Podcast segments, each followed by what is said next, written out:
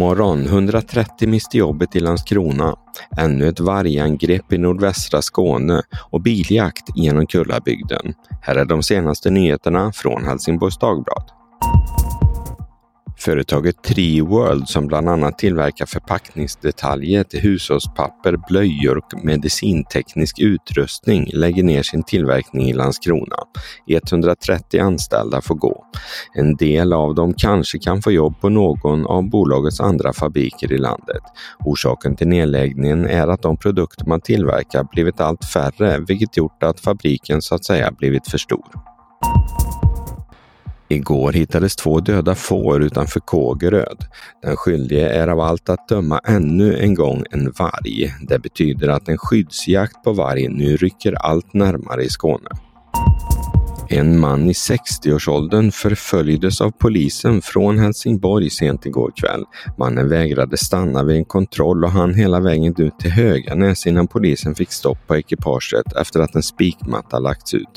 Mannen är nu misstänkt för en rad brott, bland annat drograttfylleri. Just nu pågår en omfattande rättegång mot fyra personer som smugglade kokain till Sverige.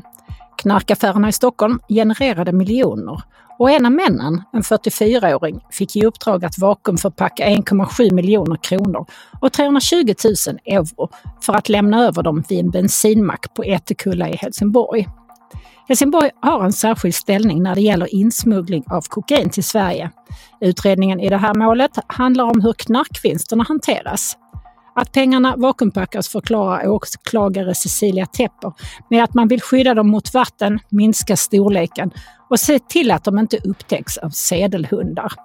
Vem som skulle ha tagit emot pengarna i Helsingborg har utredningen inte kunnat avslöja.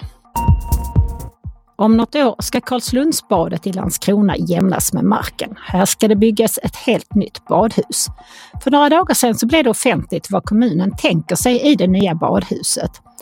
Planen är bland annat en 27-28 grader varm motions och tävlingsbassäng som är 50 meter lång. Man tänker sig också en varmare 25 meter lång multibassäng som är tillgänglig för funktionshindrade. Ett 150 kvadratmeter stort badlekland för barn upp till 12 år. Omklädningsrummen för dam, herr och flex ska ha 400 skåp och en torrbastu. Badhuset ska också ha ett café.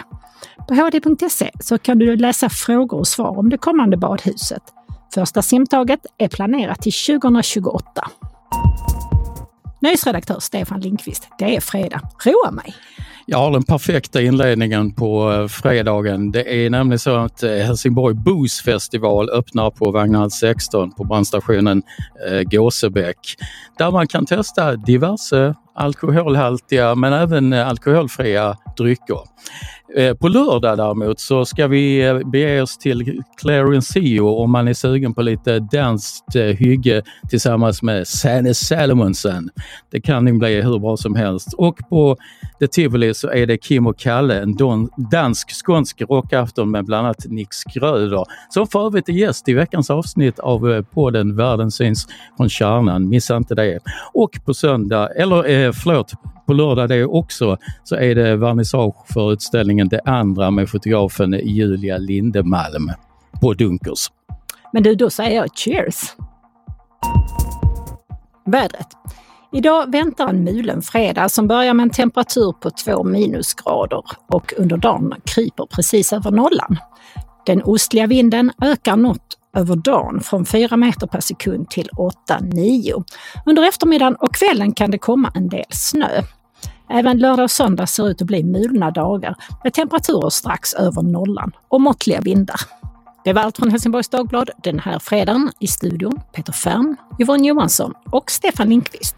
Läs mer på hd.se. Vi hörs!